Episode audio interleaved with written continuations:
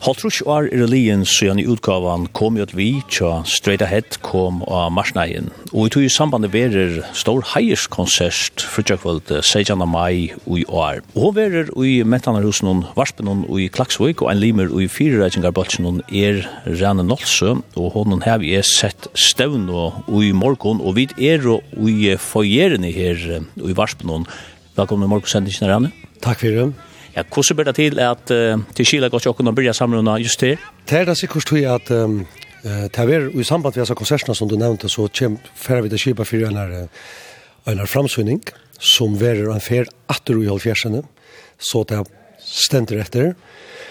Da folk kom inn i Varspe, så kom det inn i hese forgjerne som vi stand og inn i, og så begynner ferien i jøkkenen framsynningen.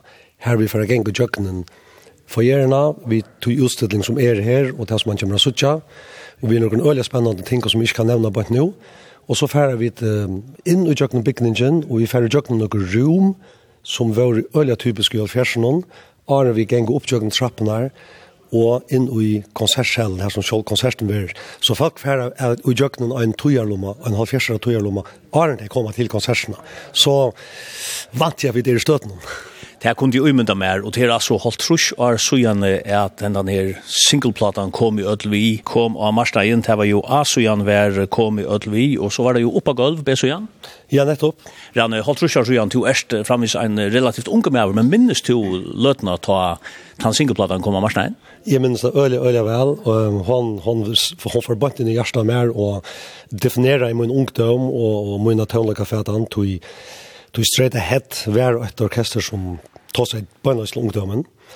Og jeg minnes det at um, jeg og papen min søtte jo stående, da jeg leier først for å bli spalt i utvarsmålen.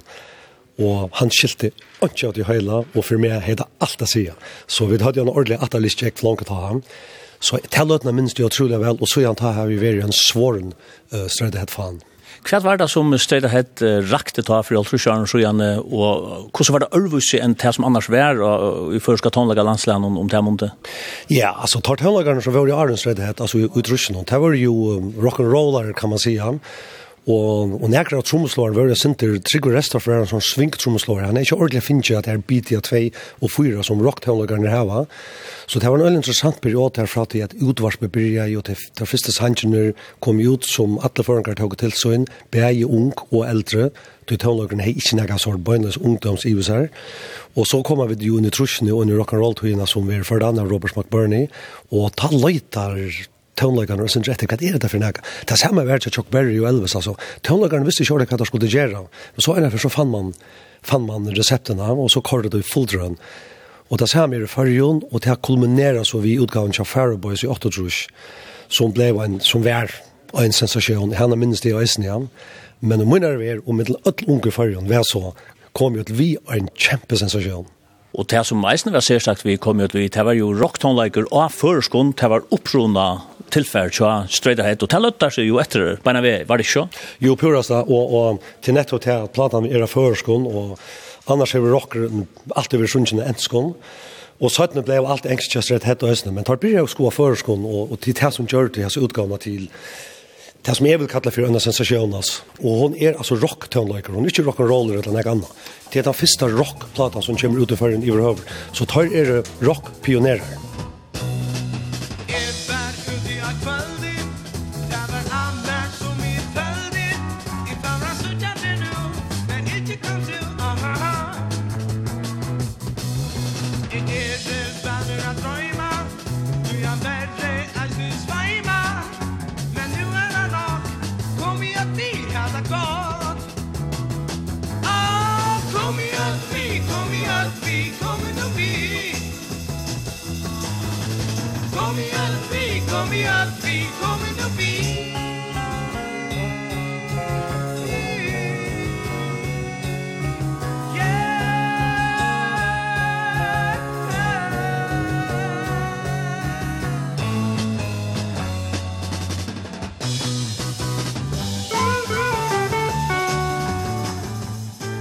gänga vid fra foyerene og færa nian tjungen trappen er her, og så færa vi til koma inn i sjolvan salen her i varspen og ta vi framvis arbeid her, nek folk til arbeids. Man er ikke helt livet enn, Rann, ja? Nei, det er ikke helt livet enn, men det er jo klart at uh, fortsatt vi livetgjørende og haft tiltak. Og nu kommer vi så inn i salen, og her er um, ekvelia stase litt. Reie stålar her, og vi får at få okon sess. Her, ja, det skulle vi gå omstøver at uh, Hildi gjerne en rockkonsert. Ja, hesten er sjælen er oanmyndelig gåer, altså paddelvidskiften er øyelig gå her framme, og som du merker så sitter vi øyelig vel her oppe i hagulven noen, og nere gulven er så vera nekk på stålar, hette her er en øyelig, øyelig gå konsertsjæler, den nødjast i fyrjon, og helt sikkert mittelen tar aller best. Kom jo at vi fytler holdt rusjar, og hette her slåbrådene til verste hette fytler holdt rusjar, og Så i tog samband så skipar vi uh, den 16. mai, fire sær høyeskonsertene for Stredhead, og til å være så ære tøvnløkere som kommer tolka tøvnløkene til Stredhead, alt fra virkelig harslående rockere til flottere klassiske tøvnløkere, kan jeg, kan jeg aduka. Og jeg kan også aduka så mye som at uh, frontsangeren, legenden Jørgen Dahl kommer sin Janaka Sanger, som åtta med og fire orkester. Så det er en, en stor oppleving. Og stedet hett, det var jo en brander som uh, var ekvelige bjerster, men ui etter at jeg stått tog jeg skai, tog at uh, jeg langt ui 8,5 ta kommer vekkerplatan, ta den legendariska, ta gavstbølgren. Hva var det som hendte jeg? Ja, tar jeg har fortalt at um, jeg tar egentlig vært aktiv i tre år, og gav så en single ut i 4,5, en i 5,5, en EP i 4,5 og i 6,5, så en heila LP under Jan Rottalfjers. Så tar jeg vært også det vanlige aktiver, ett utgivande orkester. Det var gå ordentligt nekve ut och allt var rocker och tar stäfeste se ordentligt som den främsta rockbolsen är ute samma. Tog er Töllegren just det hette så eller väl dokumenterar det att det blir till att göra en höjskonsert här man spelar torra tonlag. Men tolkar jag nu det han är öliga gående töllegren. Vi jamar mun gå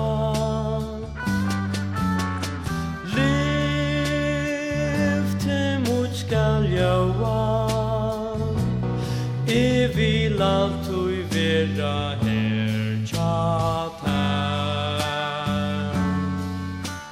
Vegrapplatan, hon hev jo legendestatus i fyrjun, og Hickman og Imsar Sjølebølkar, så ser man at hon vil selt for flere tusen kroner, at til undrunarsamt er bølkren ikke helt av. Ja, tar for hver som vi, tar at hver som i arbeider, Jørge forsvinn vi, Arske forsvinn vi, håndversk og bøndarøy, herre for nyr lesa og ble sjukestjør i Klagsvik Og så er det så er så så så det är inte alle balkar som blev till Rolling Stones.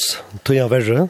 Tar var så en som som som levde öliga stort. Beatles var helt land shaman. Tar var shaman i åtta år också för att den första plattan kom ut. Ja, och her tar man ofta om en öliga stora männing. Tar vi de bilarna från att det första tillfället kom ut til det sista kom ut. Sagt du det en brøyding i straight ahead från kom ut vi till väckarplattorna. Ja, alltså det är en brøyding her, Det är att elgitarren blir så rävliga marskant och tydlig i väckarplattorna. Og det er snakka som jeg kjenner rockdownen som ordentlig, det som kom ut i forhold fjers, det hever rock groe ordentlig på plass, trommene er på plass, og, og komposisjonen er en rockkomposisjon. Den neste platen kjødom er faktisk country, i Mia Virginia, en countryplata. Og så kommer den her EP'en ut som Gina Blue har sint til Tinker bare Rocket, minner meg om Revolver og Robert Schultz og Beatles, som løy til noe annet her lødde det til Sgt. Pepper-albumet, her lødde det til Vekkerplatene, og tas her man i fotlom blåma om potensial i uistret hetværa, og platan kommer ut, tar av oppbart lagt sånn ek fire at orkestret ikke helt fram 18 at teater jeg verre, men Vekkerplatan ligger etter som en fantastisk vær. Og det første line-upene spiller um, uh, her Ellingsgård gitar, og han får så nere å lese, og, og får så brosjurorkesteren noen. Så kommer en lokal gitarrist som heter Petrans Paulsen inn, og han spiller elgitar av Mia Virginia og Mungoa, som kom ut i 55. Og så kommer nemlig Hans Karl. Og det her viser seg å være en utrolig happen sammenrenning mittelen Klaksvik og Havnena. Akkurat som ikke hatt noen, da bodde Hans Karl kom vi i chatten her. Jeg tar ut det utrolig vel å fenge ordentlige og tøvnlige sjor i havnene, fusjonere vidt dem, og så få at jeg på som kom på. Mm. Alltså vi hans Karl Ford och sånt den klassiska rockgitarristen. Allt det som Richie Blackmore kunde göra i Purple och att alla så stora rockgitarrister som gör. Ta leder är till men show upp det kommer nytt bäge rytmiskt och solinstrument in i tonlagen som gör att um, att Straight kan kan bliva och växa sig till det här som det blivit till. Ja, då tar vi ju om att det här var um, sövligt så att skilja att uh hatta släge av rock tone like verliga blev en pastor av av förska like paddeln men du är nog så väl fyra att snurra om uh, förska like som helt sövliga eh när finner vi ett uh, rytmiska tone like i förjun hur hur är han uh, tillgången Ja, altså, haunen for Anne i Førjen, helt sikkert, og jazzeren kommer jo til haunen langt i 20 hon, og ta er flere jazzorkester i haunene, og ta vi spalt til dans alle mulige steder. Her er jo orkester som til 17 ble til Goggan, Og her er Hotnorkester, til dømes Havnar Hotnorkester, og GHM til stående til Baker Hansen dør, til minnes som han. Så her er masser av jazztøndelse i havnene, og masser av Hotnorkester-tøndelse. Ute av bygd er harmonikan dominerende, og orkestrene, Hotnorkesterne ute av bygd blir jeg kommet i alt trusjonen, og så er har av Hotnorkesterne kort om alt landet. Og, og i alt trusjonen hendte så til at Suri Haun leder en klubber opp som heter Blue Star Club, og til første fer vi suttet en ungdomsreaksjon i førjen. Enda mal vi klubbene være at ung skulle møtes om den nødja tøvnløgjen som de hørte i Radio Luxemburg. Og den tøvnløgjen ville de slappe møtes om og slappe dansa til. Åttan av mamma og pappa var vi. Så her suttet vi til første generasjons kleffene faktisk i førjen. Tankklubben ble stongt. Du tar ikke hvor hører ikke.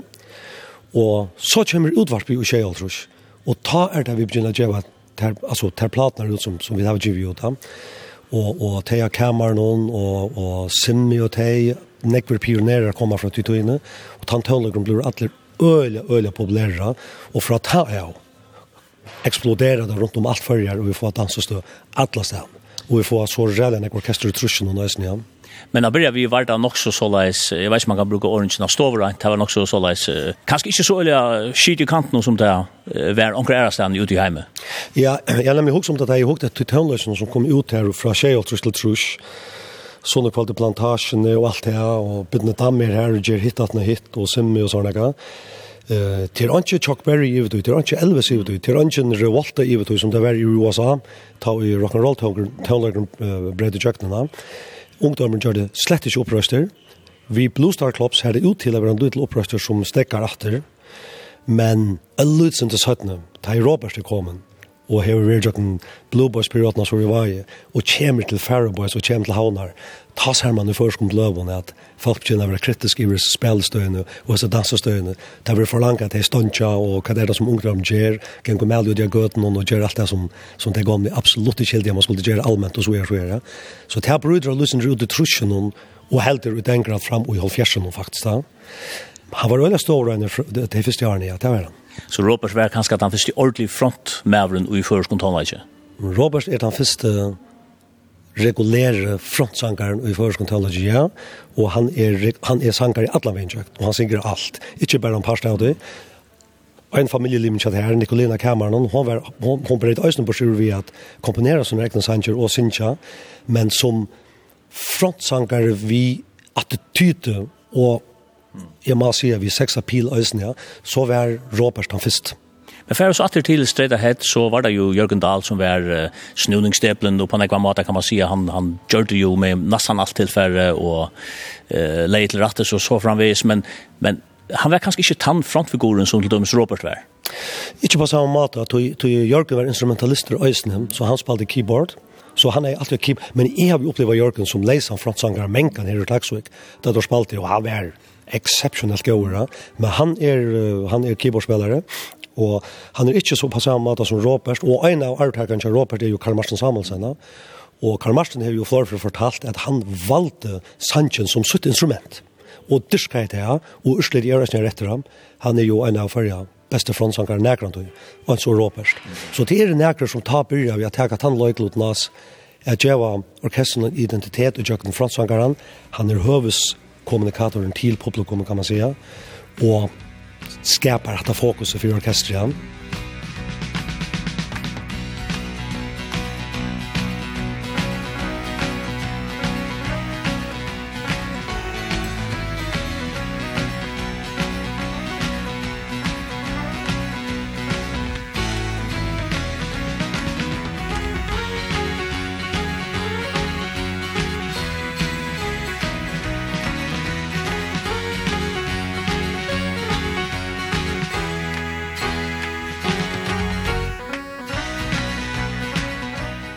Jørgen Dahl som läs mig kvar var det som gjorde att uh, han uh, dotti at reka så vel, og lukte, og ja, sjån, han har æsne fingren, og, og pulsen tar til han var om samtøyer tone like Men hva var det som, som gjør det at han som uh, leser mye rakt så vel?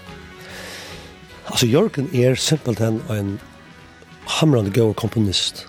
Altså, han, han hever virkelig god evner at gjøre godt lea, og han var, han var han han han fänka ju samtidigt teologen. Han dotte av tolka rock teologen in i sin teolog och lät han oj en ordlig gå en rock hem och heve då väl att arrangera det. Alltså, kvar ska gitarrspela, bassor, trummor, kvar det grov ju sanchen hver skal vokaler litja, og hvordan skal leie byggjas opp. Først og fremst hamrande gode komposisjoner i sentrum av som man gjør, og så har det då vel at, um, at arrangera det. Og, og i sunnar samtidig framfor det, og en fantastisk, jeg minnes jeg, jeg var, jeg lortet jeg alltid etter stredet. Og stredet var en utblåstrar kjelta tja framtånd til dømes? Altså, for meg var det en kjempe, kjempe utblåstrar kjelta, det er så helt sikkert. Tutsi år sattene, fyra for Sverige og eisen et rettelig størst år, ta, ta kom tid jo fram til Vestmenn, Ingo Simonsen og, og flere andre, men det er en andre sjøva som man kan tega sattene, men stredet het eier kanskje sånn uh, lot og at det blei så leis. Helt sikkert, helt sikkert. Altså 2024 er et øyelig start år til at det er trusjer siden heimkommen kom ut. Og det er kanskje den første rock'n'roll-leie som kom ut i fargen. Og det er alt trusjer siden Kamil vi kom ut, og det er fjørde år siden han denne røyen vi Inkon og Vestmann og Frantro kom ut. Så det er nok så sermest år. Ja, nu har det alltså tås som att uh, den här uh, Faknavar konserten hon verer 16 maj och som skiljer så er gravganger etter å släppa til konsertene, kanskje så store at uh, akkurat andre høver i eisen verre? Ja, altså vi uh, før ut vi til første konserten i Norrløsen og åttende færre landstekkende ut. Og tankkonserten er nesten utselt, så vi uh, nå i morgen, ja, vi tar oss så vil konsert nummer 2 sett, sett til Søle. Og det gong så mye vel ved Sølen ja, at, at um, vi råkner vi at, at konsert nummer 2 i Øysten blir utselt. Så det har vært veldig spennende og, og, og på det sannlige østen verste å komme til tror jeg at en halvt trusjere høyerskonsert det er once in a lifetime. Den fyrre konserten, premierekonserten, var frutjakvult 16. mai, og ega-konserten var leierkvult 18. mai. Så her er atter at uh, høve at, at oppleva, jeg sier, fagnar av konsertene. Bøtkeren var jo virkelig egentlig stort, uh, ein LP som vi satt då och så var vår tvärsingelplater och en EP. Vet det kanske med med en person avstred det här tillfället som var spalt detta kvällt. Alltså mal är er om vi tar oss om det att att jag vet inte hur spela ötlön just det. Så så ötlön. Det tas med mal så får det så tjocksta vara men under ötlön står nästan ötlön som det går ut vara spalt som det går ut i fjärsen. Så jag har Jörgen ju given några tänker då sen ja. Men detta vill fokus på fjärsen och det tog in att som nu för håll tror Om du skulle valgt en sang til å det hette, at uh, enda hette prater vi. Hva skulle det være? Altså, jeg har tidligere episke rockballadene, Heading for Disaster. Det er topperen. Hva er det vi har så sannsyn som uh, appellerer til det? Det er um, ofte rønner man å si og intellektualisere attene og så er, og etterrasjonalisere så er. Det eneste jeg kan si er at hans hankrum og alle hans hankrum er bant inn i Gjersla mer, og så rælig nekon øren folkene førjen. Så det var akkurat ordentlig spesielt vidt dem. Vi tar Heading for Disaster her vi straight ahead, og Rannan også, takk for pratet og spennende verer og i mai måned at oppleva straight ahead, tolka og patle. Ja, takk for pratet, Ronny, og takk for at du kom snorrer, og vi kunne være her med nærmest en.